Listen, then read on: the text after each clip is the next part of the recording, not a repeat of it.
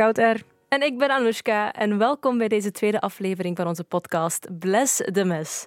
In deze podcast hebben we het altijd over dingen die niemand je ooit vertelde en waar je tijdens je leven maar zelf achter moet komen. Want ja, het leven is messy. Het leven is altijd messy. Forever! Wauw, die vocals kwamen echt van diep.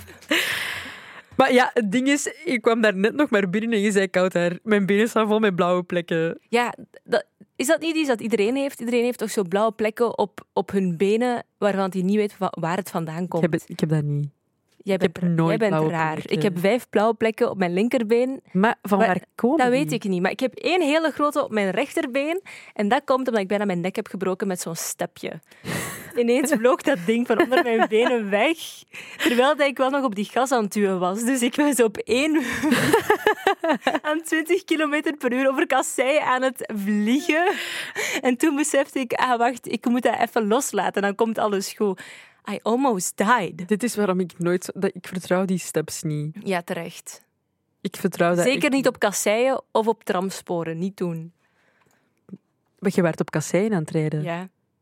Girl. Nee, ik zou het echt niet durven. Ja, Ik ben daar niet voor gemaakt, voor die steps. Ik zat in tijdsnood.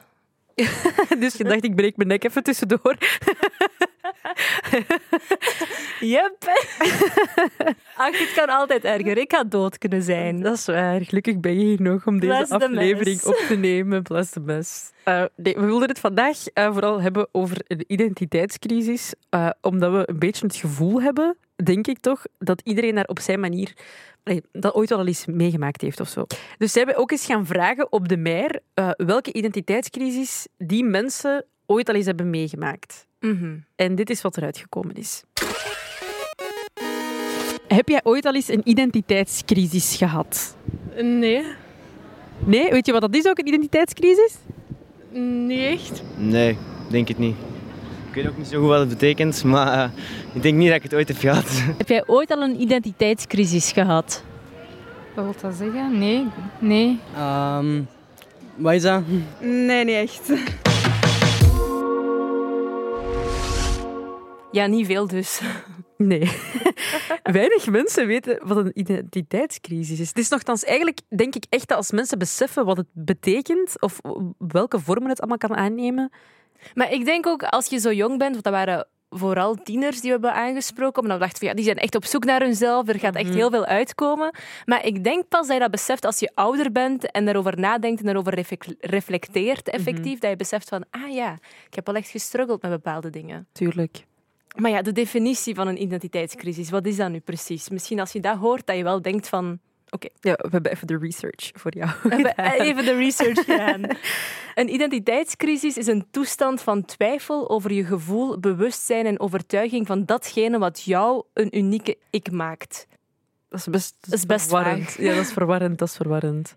Maar ja, dus die identiteit, dat is wat jou tot jouw unieke ik maakt. Dus is je rugtasje met alles die jou tot jezelf maakt. Maar dat kan dus ook gaan over je job, over je geaardheid, je geloof, je vrienden, je cultuur. En ook een midlife crisis is bijvoorbeeld een identiteitscrisis, maar dan in een fancier jasje gestoken. Het gaat ook gewoon over een persoon die dan beseft van ik heb nu 50 jaar op een bepaalde manier geleefd, maar ben ik wel zo?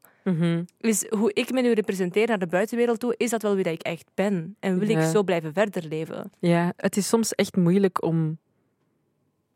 Allee, om te beseffen dat je in die situatie zit, denk ik. Ik, had, ik weet wel nog zo één specifiek... Er is zo één specifiek moment dat elk jaar terugkwam, waarbij ik toen echt ja, een beetje werd geconfronteerd met een soort identiteitscrisis Vertel of zo. eens. Ja, dus ehm, het is nu ondertussen al een paar jaar geleden dat we naar Marokko zijn gegaan. We gingen ehm, om de twee jaar ongeveer, Mhm. soms elk jaar in de zomer, omdat nog een groot deel van mijn papa's familie eh, daar nog altijd ehm, woont. En de standaardvraag die iedereen stelde, bij iedereen aankomen, op denk bezoek ik. kwam, was altijd...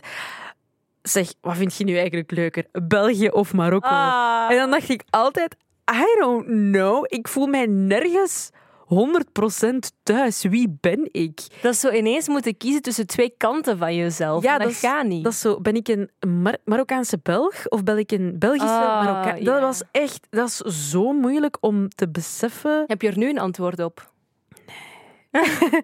Nee, ik weet Nee. het niet. Ja, ik weet niet. Marokko, ja, ik denk dat ik maar... Ja, ik ben in België geboren, dus ik zie België altijd wel als, het, als mijn thuisland, denk ik. Dus ik, ik, ben, ik, ik ben hier opgegroeid, mijn, mijn vrienden zitten hier Ja. en zo. Maar ergens voelt het ook altijd wel een stukje thuiskomen als ik in Marokko zit. Snapte? Ja, maar je hebt ook een, een Marokkaanse opvoeding gekregen langs de ene kant, toch? En dat maakt ook jou tot wie je bent. Je bent niet Ja. volledig Vlaams. Ja, Snap je? Je gaat nooit zijn zoals Elisabeth van om de hoek of zo. Nee, nee ja, dat, is zo, dat is altijd dat stukje maakt wie ik ben. En het is, zo, het is dat, dat percentage van mezelf, als ik daar ben, dat 100% zichzelf kan zijn. Enkel dat stukje, maar je Vlaamse koud daar kan niet zichzelf zijn daar. Ja, allee, ik ben wel mezelf daar, maar je voelt dat, dat daar niet. Je, je voelt je niet. Allee, 100% op je Ja, gemak op dat vlak. ja, want die mensen die, allee, die, die, ontva- die ontvangen Ja. mij wel goed en dat is altijd tof en plezant. En, en, en ik voel me daar op zich wel goed. Maar ergens voelt je van. Ik zou hier niet kunnen leven. Ja. Maar omgekeerd was dat ook zo. Hier was ik niet de Belgische, maar was ik de Marokkaanse. Ja, en daar ben ik de Belgische. Dus dat is zo, ja... pff, Ja, ik snap het. Altijd als ik terug ga naar mijn familie in Armenië, of als ik daarmee praat of whatever, dan hoor ik wel altijd... Er is wel altijd iemand die zegt van... Anoushka, jij zit zo'n Belg. Maar met zo'n heel... Zo neer, neerbuigende toon. Ja. En dan denk ik... En dan zeg ik ook van... Ja, dat is zo. en dan zijn ze helemaal in shock dat ik dat geen belediging vind. Ja, En dat is raar. dat, doet mij zo die kant van mij willen wegduwen. Van nee, als jullie mij niet kunnen accepteren voor wie Mhm. ik ben, laat me dan gewoon gerust. Maar dat is ook niet goed, want het is wel een deel van mezelf. Ja. Maar duwt jij dan ook... Allee, zet je dan echt op alles zo van...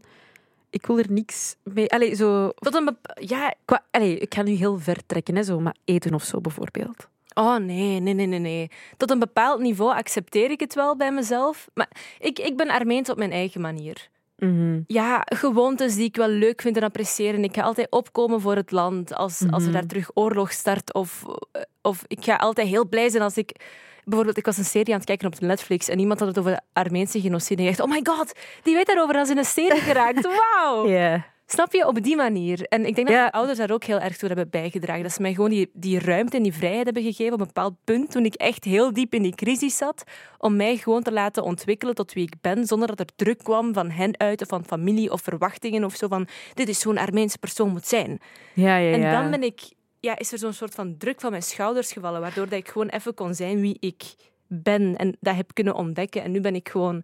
Als je mij vraagt, ben je... Ja, Nu ben jij gewoon Anoushka. ja, als je mij vraagt, ben je Belg of ben je Armeens? Ik ben gewoon, ik ben gewoon van het Westen, vrees ik. Vrees Ja. ik, ja. Dat, dat, dat is het gewoon. Ja, dat is... Ja, ik- Met zo'n paar, met zo'n paar spicy ingrediënten boven, bovenop gesprinkeld. Zoals Salt Bay zou doen. Volgens mij is dat wel een ding waar heel veel mensen eh, bij andere roots zich Ja. in gaan herkennen. Vooral, Zeker in het middelbaar, denk ik. Ja, ik ging het net ook zeggen. Op school was dat ook zo'n heel... Op school, in die periode had ik echt het gevoel dat, dat ik dat deel van mezelf... Ik, ik hoefde dat niet. Nee, Dat, dat, dat, dat droeg, draagde, droeg. Allochtonen onder elkaar. Mee. Ik had het gevoel dat dat toen bijdroeg... Bijdroeg? Ik ga eens googlen, wacht. Bijdraag? Verleden tijd bijdragen. Bij, bijdroeg? Droeg bij, ja. Ja, bijdroeg, ja. Maar dat klinkt raar. Ja. Anyway, eh, dat dat toen bijdroeg tot... eh, eh, dat, dat dat mij niet cool ma- maakte. Ja, Snapte? snap ik. Ja. Dus ik wou echt niet dat mensen... ehm, u zagen als Marokkaan, zoals anders, Ja. of als iemand met andere roots. Je wilt echt blenden met iedereen op school. ja, en, en dat was moeilijk, om, maar eigenlijk kon ik, was ik daar mezelf niet. Want dat is, nog, dat, is een deel van, Mhm. dat is een deel van mij, dat is wie dat ik ben. Maar dat, dat was zo'n... Dat was echt een... Maar ik heb dat ook nu pas door, hè, dat dat toen echt een soort identiteitscrisis Ja, ja, ja. was. Dat ik zoiets had van, ik wist niet wie ik, wie ik was en wie ik wilde zijn. Want op dat moment wilde ik niet de kouter zijn met Marokkaanse Mhm. roots. Ehm, terwijl ik dat eigenlijk wel was. Ah, snap je? Ja. Oh, dit wordt echt super Nee, ik snap je volledig. Ja. Je wilt iets zijn dat je niet bent, maar je kunt er niet van afstappen, dus dan duwt je het weg. En dan Ja. probeert je zo, ja, zo, zo hard te lijken op al de rest, maar dat gaat niet, want van thuis Nee. uit heb je andere verwachtingen en dingen die Ja. je niet moogt of, niet, of, of moet. Of, Of die je niet wilt doen. ja. Ja. Maar als ik nu kijk naar, naar nu, als iemand tegen mij zegt van ah, ik vind jou gewoon Vlaams of ik vind, ik vind jou gewoon wit, dan ben ik echt zo offended. Dan denk ik, maar dat is helemaal niet zo. ja, ik Er snap zit zo'n hele switch. Ja, er zit zo'n hele switch in. Ja. Ik snap wat je bedoelt. Ja, identiteit is toch maar iets fluïde hoor. Maar, Het is dat, wat je er zelf van maakt. maar allee, dat kan op zoveel manieren tot uiting. Ja, maar ook Komen. iets, zo- zoiets simpel als ben ik iemand die nagellak draagt of niet, past dat bij mij? Hm. Het is, ja, het, het slaat op alles. Ja, ja. Alleen gaat nagellak niet misschien per se tot een identiteitscrisis leiden, maar bij sommige mensen dan weer wel. Ja, bijvoorbeeld. Maar het is inderdaad, soms kan het zich uiten in hele, hele kleine eh, dingetjes of zo. Ja, zeker, zeker in het middelbaar. Ik denk dat veel jongeren, ik denk dat jongeren het meeste last hebben van een identiteitscrisis, omdat je dan Ja. echt op zoek bent naar wie ben ik, wie wil ik zijn, komt dat overeen met wie dat ik nu ben, wat wil Mhm. ik gaan doen, zit ik, ben ik, zit ik in de juiste vriendengroepen daarvoor, Eh, welke hobby wil ik doen, maar pa- passen de mensen van die hobby dan wel, hoe, hoe vaak dat ik zo bijvoorbeeld mijn vriend, hij is drummer, Sorry als ik je vuile was buiten hang. Eh, die zegt van ja, mensen op zo. Hij heeft conservatorium gedaan.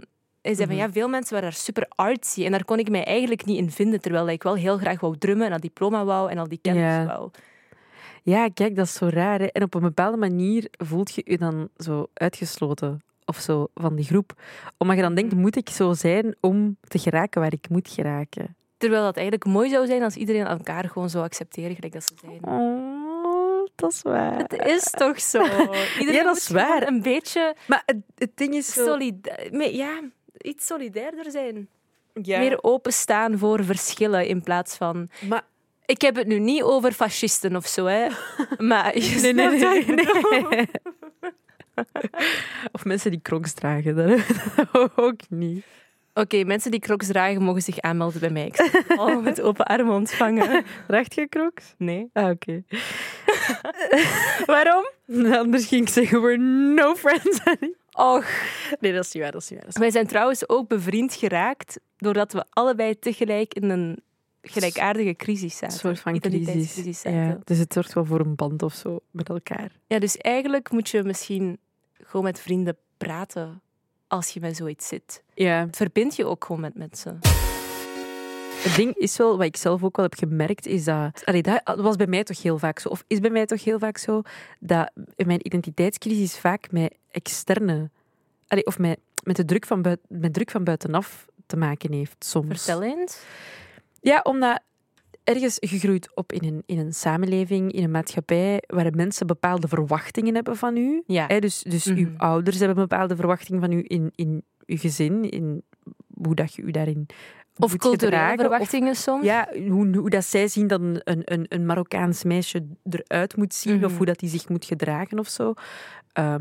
Allee, zonder daarin te extreem te gaan of zo. Hè. Ja, maar, ja. maar dat zijn bepaalde verwachtingen. Op school zijn er bepaalde verwachtingen. En op een of andere manier moet je maar ervoor zorgen om tussen al die werelden in Uzelf te kunnen te kunnen zijn, maar ondertussen ook zo de rest te pleasen. Dat moet niet. Allee, dat, dat is ook totaal niet de bedoeling eigenlijk. Maar dat, dat, dat vond ik het moeilijkste. Omdat het- je ziet een bepaald beeld van andere mensen en, en, en ik dacht dan van, ah ja, misschien moet ik meer zo zijn, maar dat is helemaal niet hoe ik in elkaar zit of zat. Ja, maar ik vraag me echt af of dat niet iets Dat koud toch- daar gebonden ergens, omdat jij wel echt een people pleaser bent. Ja, dat is, Jij gaat over je nek als je niet goed kan doen voor iedereen tegelijk. dat is waar. En jij zet andere mensen voor jezelf. Dat is Altijd. waar. Maar ik, maar ik heb het ook bijvoorbeeld over, ik zeg nu maar, ehm, er, wordt, er wordt verwacht van u, eh, je studeert af in het middelbaar en dan ga je verder studeren en dan doe je best een job ehm, waarbij je eh, werkzekerheid hebt, want dat is wat er wordt verwacht van u. Maar eigenlijk heb je zoiets van, nee, ik wil gaan schilderen.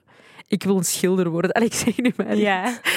Maar dat is wie dat je bent, dat is wie dat je wilt zijn, maar de verwachtingen zijn anders. Dan is dat toch een identiteitscrisis, omdat je dan denkt van oké, wat wil ik doen met mijn leven? Wil ik gaan schilderen of wil ik werkzekerheid en geld? Ja, dus wil ik mezelf zijn of wil ik volgen wat iedereen van mij verwacht en denkt dat het beste is voor mij? Ja, dat is toch een soort...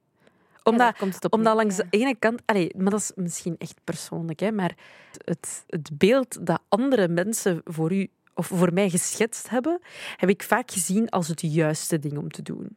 Akkoord. Dus ergens van binnen denkt oké, dat is wat ik moet doen, maar niet per se wat ik wil doen. En de stress die dat met zich meebrengt, is echt Voilà. immens. Voilà. Dat, dat, is, dat is volgens mij de voedingsbodem voor een angststoornis, right there. Niet goed, niet goed. Nee. Niet doen, niet doen. Hm, zullen we nu een liedje zingen om de, om de moed wat te... Daarop aanvullend. Wat ik ook heb gemerkt toen ik jonger was en zo net op kot ging en ging studeren, er waren Armeense meisjes die dat niet mochten doen. Die mochten niet op kot gaan, die mochten al zeker niet uitgaan, want dat is niks voor meisjes in die cultuur. Of, allee, er zijn wel gradaties natuurlijk. Ja, ja, maar natuurlijk overal altijd. ja. en ik zag zo eens iemand tweeten: eh, Waarom gaan mensen elke dag uit? Wat hebben ze te vieren? En ik dacht in mezelf: Ja, maar jij moogt dat gewoon niet. En daarom uit je je zo. Dat is een soort van zelfbeschermingsmechanisme dat je voor jezelf even oplegt. Om het niet te willen, omdat het voor u overbodig lijkt. En dan denk ik bij mezelf: Ja, dat meisje, misschien wou die dat wel allemaal, maar voelde zij wel echt heel erg de druk om gewoon te doen wat dat er van haar werd verwacht, effectief waardoor ze zichzelf niet verder kon ontplooien Mhm. en dan op die manier heeft opgelost. Ja. How about dat we het over onze huidige identiteitscrisis gaan hebben? Ach, dat is weer, dat is weer zo toevallig dat het overlapt met elkaar. Ja, ik heb het echt... Dus Wij gaan samen van de ene crisis naar de andere. Ja, dat is waarom wij bevriend zijn. ik... ja, dat is echt... Ons, onze vriendschap bestaat uit eh, crisis-FaceTime-momenten naar elkaar. Dat is op momenten dat we daar ooit zo. tijd voor hebben. Ehm, Ja. Over tijd gesproken. Ja, dus even voor alle duidelijkheid. Ik doe mijn job doodgraag. Ik doe alles heel graag, iets te graag Mhm. zelfs. Waardoor ik mezelf, jij ook, bij in Ja, ja. situaties werk waardoor ik eh, geen extra tijd meer heb voor vrije tijd. Ehm, Er zitten En- niet genoeg uren in een dag om gewoon het werk dat je hebt al af te krijgen. ja, om dan ook nog eens tijd te maken voor mijn vrienden. Ja. En ik vind dat zo erg. En ik heb echt, vorige week was het zo druk. En ik heb op een bepaald moment echt gedacht: oké, what the fuck, ik ben nu keihard aan het werken en ik zie mijn vrienden niet meer. Is het dat wel waard? Mijn crisis is eigenlijk gewoon: ik werk veel, geen tijd voor vrienden. Hoe gaan we dat oplossen? Niet. ik ben heel slecht in oplossingsgericht denken. Ja, nee, ik volg je daar ook echt compleet in. En dan denk ik, oké, ik ga nu, dit weekend, ga ik niet werken en ga ik gewoon afspreken met vrienden, leuke dingen doen, maar dan zit die stress in mijn hoofd van, mijn to-do-lijst is echt langer aan het worden en Ja. langer en langer en langer aan het worden. En ik kan er niet aan werken, want ik ben niet aan het werken. Nee. Ja. Ja, het is moeilijk. Ja, wat moet je dan doen? Even die balans gaan proberen op te zoeken, maar dat is... Crisis. Als iemand een oplossing heeft, laat me weten. Ja, een vriendin zei van mij, ja, je moet eh, eh, afgebakende uren voor jezelf opleggen waartussen je moet werken. Maar ja, zo raak ik er niet hoor. Nee, Dat, dat gaat gewoon niet. Ik combineer vier jobs tegelijk. dat is veel. Komt wel goed.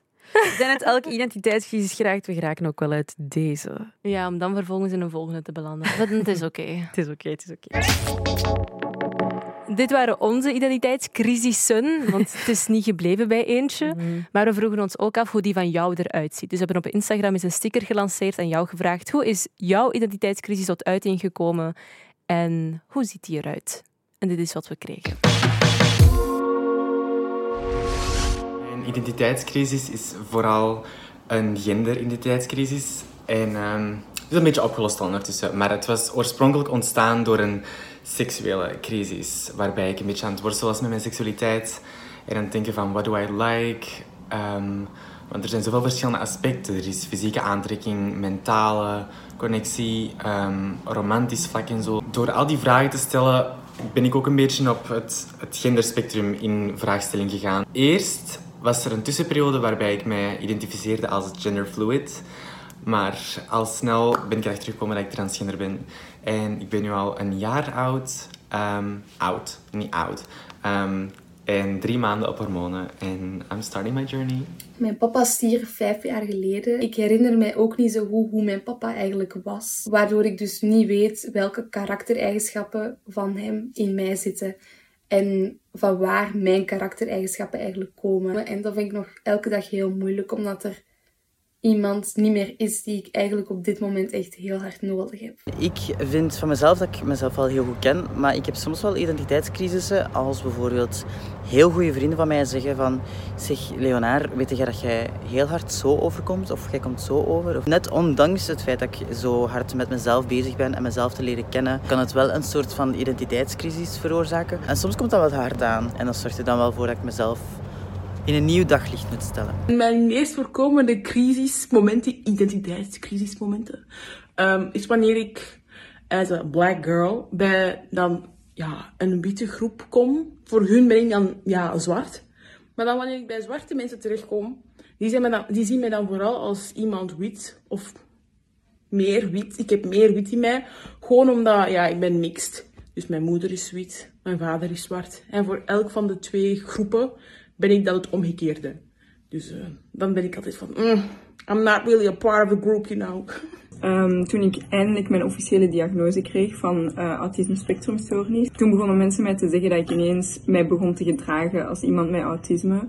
En ze konden daar precies niet tegen. En toen kreeg ik ook heel erg het gevoel dat ik zo een imposter was in mijn eigen community, wat wel jammer was. Terwijl ik eigenlijk gewoon voor de eerste keer in mijn leven begon met mijn masker te laten vallen en mij echt mijzelf te zijn. Vlak voordat corona er kwam, profileerde ik mij eigenlijk al drie of vier jaar als DJ online ook. En doordat alle shows dan plotseling wegvielen en het DJ zeg maar echt hetgene was waar ik voor stond, ook online.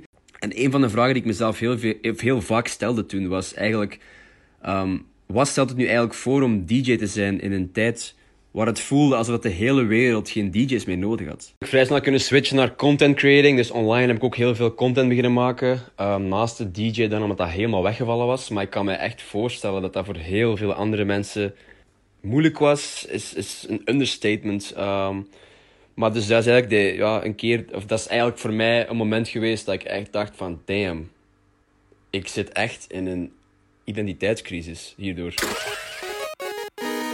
zoals je hoort, dus uh, superveel manieren om een identiteitscrisis door te maken. Iedereen elk op zijn eigen manier.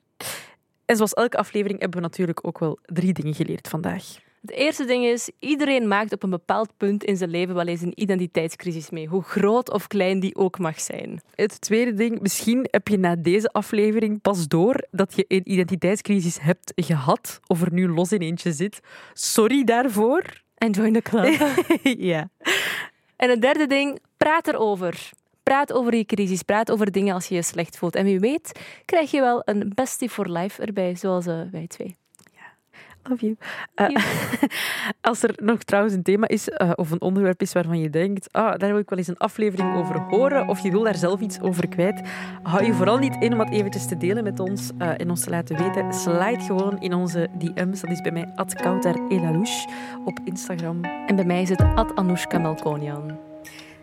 Dankjewel om alweer te luisteren deze week. En tot de volgende aflevering van Bless the Mess. Bye bye. Doei.